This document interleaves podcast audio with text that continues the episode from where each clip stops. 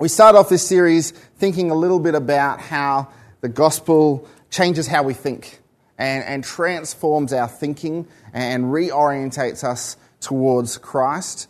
And uh, then, then, then we looked at uh, how the gospel transforms who we are, our very identity uh, in Jesus. And, we, and Steve reminded us how we are not just followers of Jesus, but we are in Christ, that uh, that is part of our identity that the gospel changes. We're going to continue the, the last two sermons of this series. We're looking at how we live together and how we live in this world. This week we want to look a little bit at how we live together.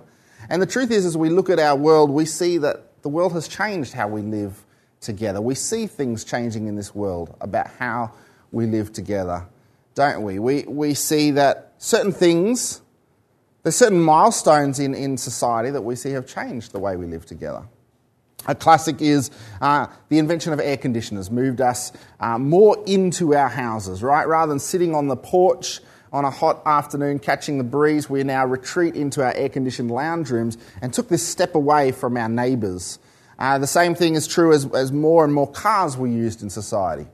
Instead of walking to the corner store where we would uh, meet with bump into local people, get to know them more. We now drive to a shopping centre. We're actually quite unlikely to bump into someone we know. And so we uh, the way we connect has changed, and we've taken these steps away from this kind of local relationships.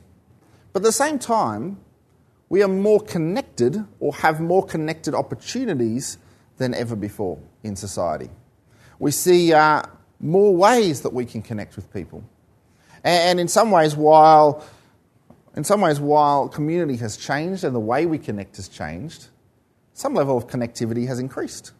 Uh, we see kids might not play in the streets quite to the same extent that they once did, but they're connected in new ways to the point where some kids will still be connecting with each other right up till they go to sleep through technology and, and things like that. So there's more opportunities for connection, but the way we live together has changed. Uh, there's a guy, Robert Putnam, uh, wrote a book called Bowling Alone. And in it, he, he analyzes uh, social community and social engagement. And he, uh, he identifies that while connectivity has increased and while activity has increased, that is, we are living more active lifestyles, more doing more things, more busy than ever before, uh, actual social engagement has decreased. In fact, he, he analyzes the number of meaningful relationships people have, have has decreased. He defines a meaningful relationship as those relationships that we would uh, go out of our way to help. People who we care so much for that we would go and, and uh, sacrifice our own things for their sake. Uh, he says the number of people we have that kind of meaningful relationship has decreased. He, he called his book Bowling Alone because he said that, that we've withdrawn from club type social groups. And, and, I mean, we see it in church. We see that the number of church attendance, which he analyses as part of that, has decreased. There's other kind of things happening in the belief structures of our society that impact that in church. But even in bowling clubs, it's decreased and people are more likely to go and, and bowl alone. Society has changed. And, so uh, we see that impact. In fact, there's one one stat he analysed directly that, that was uh, he, he worked out that for every 10 minutes of commute that a person has, they are 10% less likely to have meaningful relationships in their life. For every 10 minutes of commute, you're 10% less likely to have meaningful relationships in your life. And in Sydney, the average commute is just under an hour, five days a week for a lot. For a lot, of, that's the average for Sydney, and so we see that impact our communities. It's impacted the way we live together. The question for us becomes what do we do as Christians with that? What do we do as Christians thinking about community? Should we just accept it? Is this something that we just receive as this is just the way it is? Or is it something we need to redeem as Christians? Well, I want to say that we are created for community.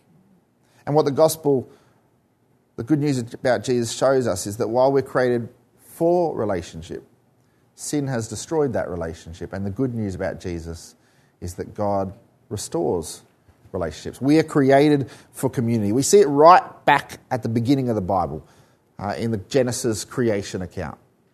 The creation account in Genesis is one of my favorite parts of the Bible, and, and in some ways it saddens me that it's something that has divided Christians over time. But um, it's one of my favorite parts of the Bible because in that account we see the gospel very clearly. This is a God who desires relationship. Not just desires relationship, but creates us for relationship. We read in Genesis, God says, Let us make mankind in our own image. Uh, both we see this word us used, is an identity thing for God. God Himself is defined in relationship. He, it's part of His identity. And we don't understand that as we read through the Bible till the New Testament, where we understand God the Father, God the Son, God the Holy Spirit. But this is a God who is one God, but within that God there is a community. So God's identity is community, and He's created us in His image. So we're created for community. We are created. We see it in the creation of Eve, in the story of, of creation. It's not until, it's not until uh, God speaks of Eve that we see that something isn't good in creation. You might remember in Genesis 1, every day it ends, God says it is good, it is good, it is good. But then he suddenly says, It is not good. What does he say that about? It is not good for man to be alone. Loneliness is the first thing identified in the Bible as something that is not good.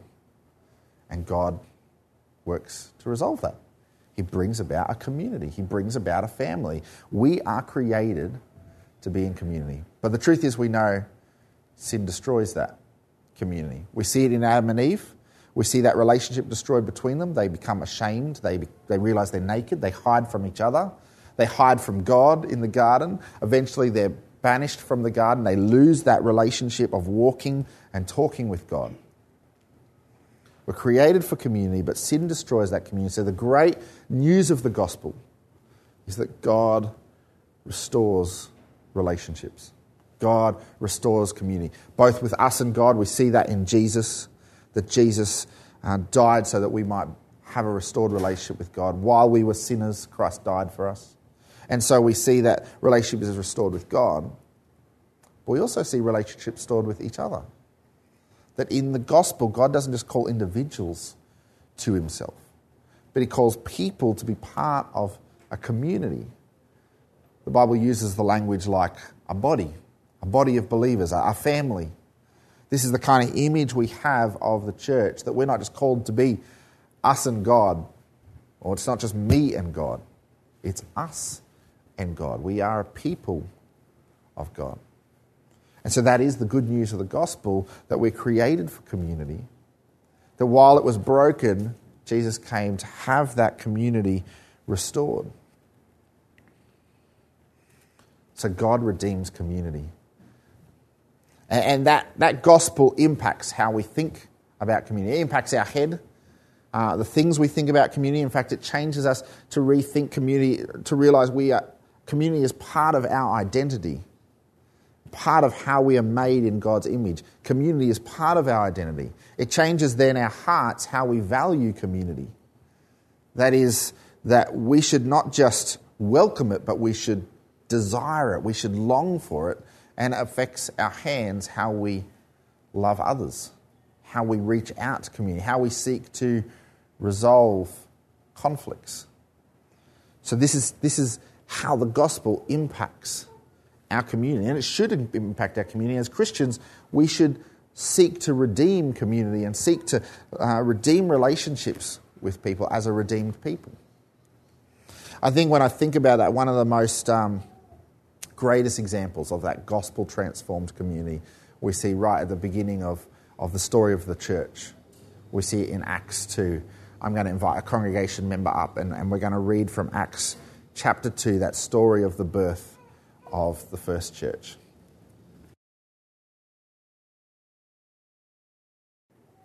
It's an incredible story, isn't it? This story of the birth of, of this new church. This is, this is a church planter's dream, right? This is Mark the night before the launch of Marsden Park. This is his dream he's going to get up and preach.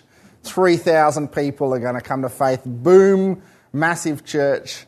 Uh, maybe it's his dream or maybe it's his nightmare. Um, this idea that, like, I know, like, what are we going to do with 3,000 people? How are we going to care for all these people? We, you know, we don't even have enough name tags or um, haven't set up our integration systems, forgot to get all their contact details. Uh, one of the incredible things that happen in this story is this isn't 3,000 people that suddenly need to be ministered to. This is 3,000 people that suddenly become ministers to each other. That's what we see in the gospel transformation that happens in this story. There's a shift in language. Something incredible happens here, and I want to say it starts with God's call. It starts with God's call because God is calling these disciples. We read it there in verse 38. Peter replied, Repent and be baptized. He continued on, and you will receive the gift of the Holy Spirit. Verse 39 The promise is for you and for your children, and for all who are far off. And then he says, Listen to this for all whom the Lord our God will call. This community starts with God's calling. It begins with God call, calling his people. That's what's happening here. God is working in people's hearts here, bringing them to himself. As Peter speaks, God is breaking people free from the bondage of sin. He's working in their hearts repentance so that they can, they can come to Him and be transformed by the gospel. God does something through Peter here that we don't even see Jesus do in his ministry. I don't know if you've thought about that.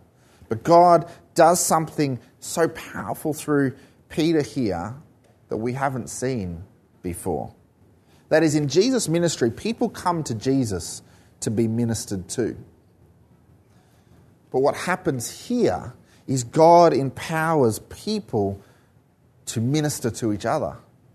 That's the transformation that happens here. I mean, we see glimpses of it in Jesus' ministry. When Jesus sends out the 72, they, they, they are given great power and they, they cast out demons, they proclaim uh, the kingdom. We see these glimpses of it. But what happens here is something incredible. This day, the Holy Spirit is poured out on God's people like never before. We see the disciples receive the Holy Spirit at the start of chapter 2. And Peter is radically transformed into this amazing preacher. That up until now, he seems to have kind of been this bumbling fool of a, of a fisherman, and now suddenly he's this amazing preacher because of the power of the Holy Spirit. And the same thing happens to all these people. They're transformed. They're no longer, they're not just followers of Jesus. Their identity has changed. They've been united in Christ, as Steve Reimer spoke to us about. That it's not just following Jesus, but being in Jesus. That's what's happened when they receive the Spirit. Uh, the disciple John speaks of it in, in one of his letters, 1 John. This is what he says in 1 John 4:13. This is how we know that we live in him and he in us, right? In Christ. He has given us his spirit. That's what's happening here. A transformation. These people are no longer followers, they are now part of the body of Christ. And it starts with God's call. It starts with God breaking them free from sin, working in their hearts repentance, and empowering them to serve Him. The truth is, we can fake vibrant community. We can be a welcoming people. We can have great music. We can, we can um, even be a loving, caring for the needy kind of community. But genuine gospel community starts with God. He is the source of it, and He needs to be the center of that community. It begins with God, and that's what's happening here. God is empowering His people. This is the birth of the church. The New Testament goes on to use the language of a body working together, where Christ is the head. This is the birth of the church, and we see this change in language at this point. We see it straight away as we read that, that, that account, the change in language. In verse 42, they that devoted themselves to the apostles' teaching and to fellowship. You see the shift there that suddenly these people, these 3,000, are committed to ministry. I want to pull uh, four things that I think are helpful to challenge us from this community here. What, what we see here. One of the hard things about reading through this section is it's such a unique time and such a unique uh, context for this early church. But I think there's things in here that can really challenge our hearts as we think about what does gospel transformed community look like. And so I want to pull out four of them. The first one is these, defo- these devoted disciples are devoted to discipleship. All right? These devoted disciples are devoted to discipleship. That's what we see. In fact, that word is there. They devoted themselves to the apostles' teaching and to the fellowship, to the breaking of bread and to prayer. Everyone was filled with awe, and many wonders and miraculous signs were done by the apostles. We continue on down in verse 46. Every day they continued to meet together in the temple courts. These disciples are committed to growing themselves and growing each other. This discipleship is happening in a community. This is not individuals seeking God, this is a community seeking God together. What the language doesn't say to us there is the, apostles committed themselves to teaching and committed to themselves to bringing people into fellowship. That's not the language there. The language is that this group of disciples are devoted to this. This group of disciples are devoted to growing each other, and that's something we should be doing in community. It's something we should be doing as we gather together. It's one of those things as we have uh, we've, we've trialed this kind of opportunity to use video sermons as a way to uh, celebrate our unity, but also can, to, to teach the Bible through that.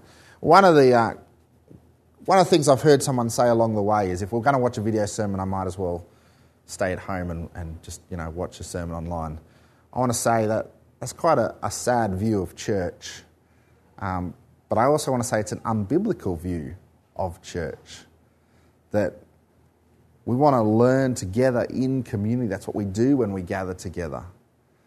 And so that's something we want to be doing. It's one of the reasons why Life Group is so essential in our community as a church. To be meeting together in small groups and growing each other because that is one of the best places that we can feed into each other's lives. They devoted, the devoted disciples are devoted to discipleship. Number two, this Christian fellowship pursues Christian fellowship. Right? Fellowship is a word that we don't use so much these days, um, but I think there's something helpful about that word that, that denotes, we, we see the way the Bible uses fellowship, that connects our relationship with God. That's, this word here, fellowship, is used in other places to talk about the relationship between God the Father and God the Son and us. For example, in 1 John 1 3, our fellowship is with the Father and the Son. That's the image we get of this fellowship, that there's a, a Trinitarian relationship that we are part of. Or similarly, in, uh, in Paul, Paul's second letter to the church in Corinth, he wishes that we would have fellowship of the Holy Spirit. So we see that kind of fellowship is something that we should share in our community, and it's something we should pursue. It's something that should bring unity to us. One of the greatest images of unity we see in the New Testament is this, this uniting of Jew and Gentile, Jew and non Jew. Right? It's hard for us to really understand just how much hostility there were, was between these two groups. Although even today, we kind of see in that part, in Israel um, and that part of the world, this great hostility. But this hostility was so strong, and yet when the early church was birthed, there was a unity that happened between these two groups of people. Uh, so strong that Paul, when he's writing to the church in Ephesus, uses the language one, God created one humanity of the two. That he broke down these walls of hostility This is not two people who weren't friends who became friends. This is two groups of people that were enemies that became family. That's the kind of fellowship we see happening in this early church. And we want to share in this kind of unity, and it should challenge ourselves when we meet hostility in our community. When we meet tension, when we have problems, it should challenge that if, if the Bible is bringing unity, that if, if the gospel is bringing unity, then we should seek that kind of unity and we should work hard at those relationships in restoring fellowship within our communities. This group is devoted to fellowship. It's a radical kind of community that we see here. Look at the picture we get. Verse 44 All the believers were together and had everything in common. Verse 46 They continued to meet together in the temple courts. They broke bread in their homes, and they ate together with glad and sincere hearts, praising God and enjoying the favour of all the people. This kind of radical community should really challenge the way we think about community. I think something as I look at our culture today, we've kind of made our homes this place of refuge. And, and that's, that's a good thing to have a place that we can kind of retreat. I wonder sometimes whether we, we have overly used that place of refuge, that we retreat away from community and we, we actually never use community as a way to be restored in life. That, that we've trained ourselves to be restored on our own, in our own families. And maybe as we think about gospel transforming community, we should be thinking about a community that should be restoring us, should be restoring each other. That, that Christian community should be a place where we can be recharged and, re, and, and encouraged. We need a, a radical reorientation to gospel community. And we want to pursue, like this church, pursue Christian fellowship. So, this Christian fellowship pursues Christian fellowship. Number three, this blessed people blesses people. That's what we see happening here. Uh, verse 45 They sold property and possessions to give to anyone who had need. It sounds a bit like a commune, doesn't it, as you read this kind of picture that is painted here that these people are in each other's homes, they're selling their houses, they're moving in together, they're having meals together. And, uh, and we, we ask that question is this, should we literally look like this kind of community? Is that what we should be doing? And I think, no, not, we're not mandated to literally do the things that this community are doing. Uh, we're not mandated to sell our houses and kind of move in together. There's four, let me give you four quick reasons why I think we're not called to do that. The first one is Jesus and the apostles, through all the New Testament writing, never uh, forbids owning property, owning our own houses. Uh, number two, we still see that they, people have homes in this story. They are meeting in their homes. We see that language. Uh, it doesn't say that everyone sold their property. And as we continue the story, number four, as we continue the story, we get to a story about a man and a woman, Ananias and Sapphira, who sell their property and, and lie about it. And what they're told is that it was their choice to sell their property in the first place, that there was no reason to lie because this was their choice. This is what Peter says to them Didn't it belong to you before it was sold? And after it sold, wasn't the money at your disposal? So it's not forbidding people owning their own property. It's not mandating that we need to live in this kind of community. But I think we should be challenged by the generous, caring community that we see here in Acts chapter 2. These people are, are generous in their giving and they're generous in their living.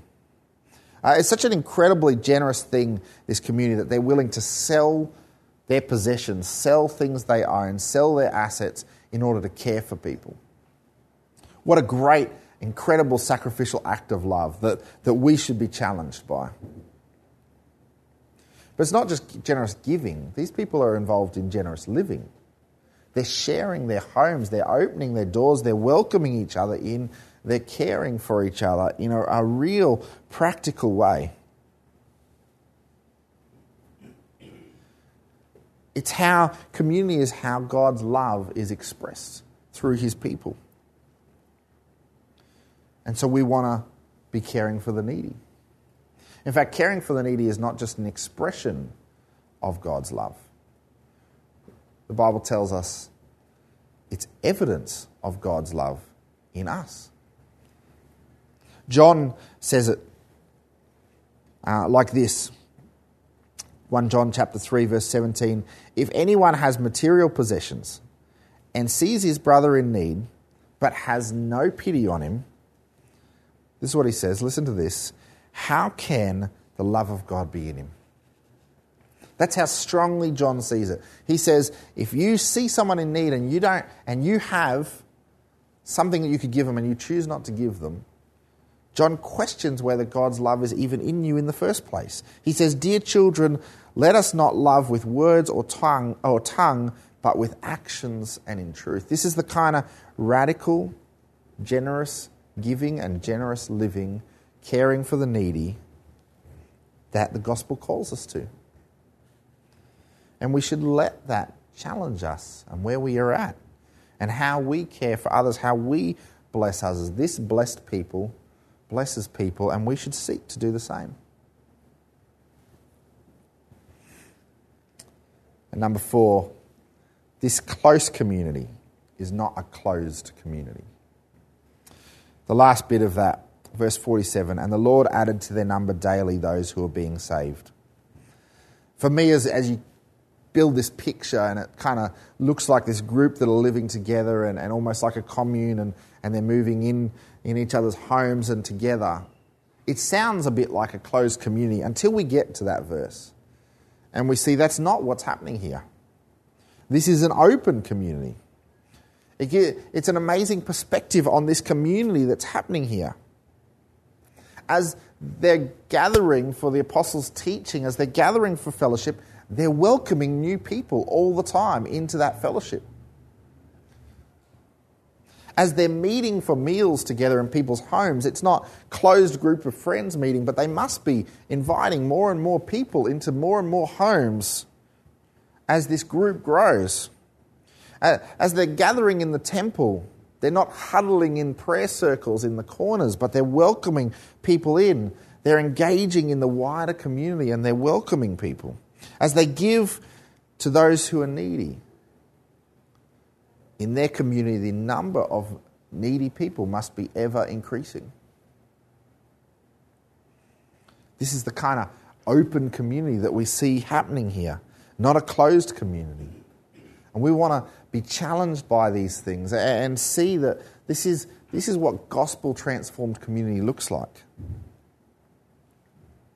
And it should challenge our balance of how we spend our time and where we pursue community because God the, because the gospel calls us to renewed community seeking discipleship in community growing each other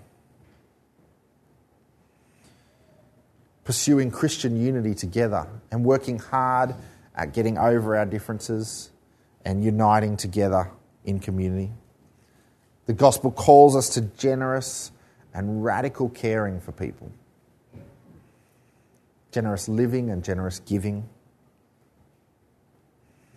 And the gospel calls us to engage in our wider community and open our lives up to share life with people as we share the new life of Jesus with them. This is the kind of radical community that the gospel calls us to. Brad House, an author and a, and a pastor, wrote a book called Community Taking Your Small Groups Off Life Support. And this is what he says about community. He says, Community is the declaration of the overwhelming love of God. Jesus reconciled us to the Father and to each other. That is the gospel. That's the gospel message. And that gospel impacts how we live together because community is part of our gospel identity. Our community is part of who we are in Jesus, redeemed gospel community. We get to live together.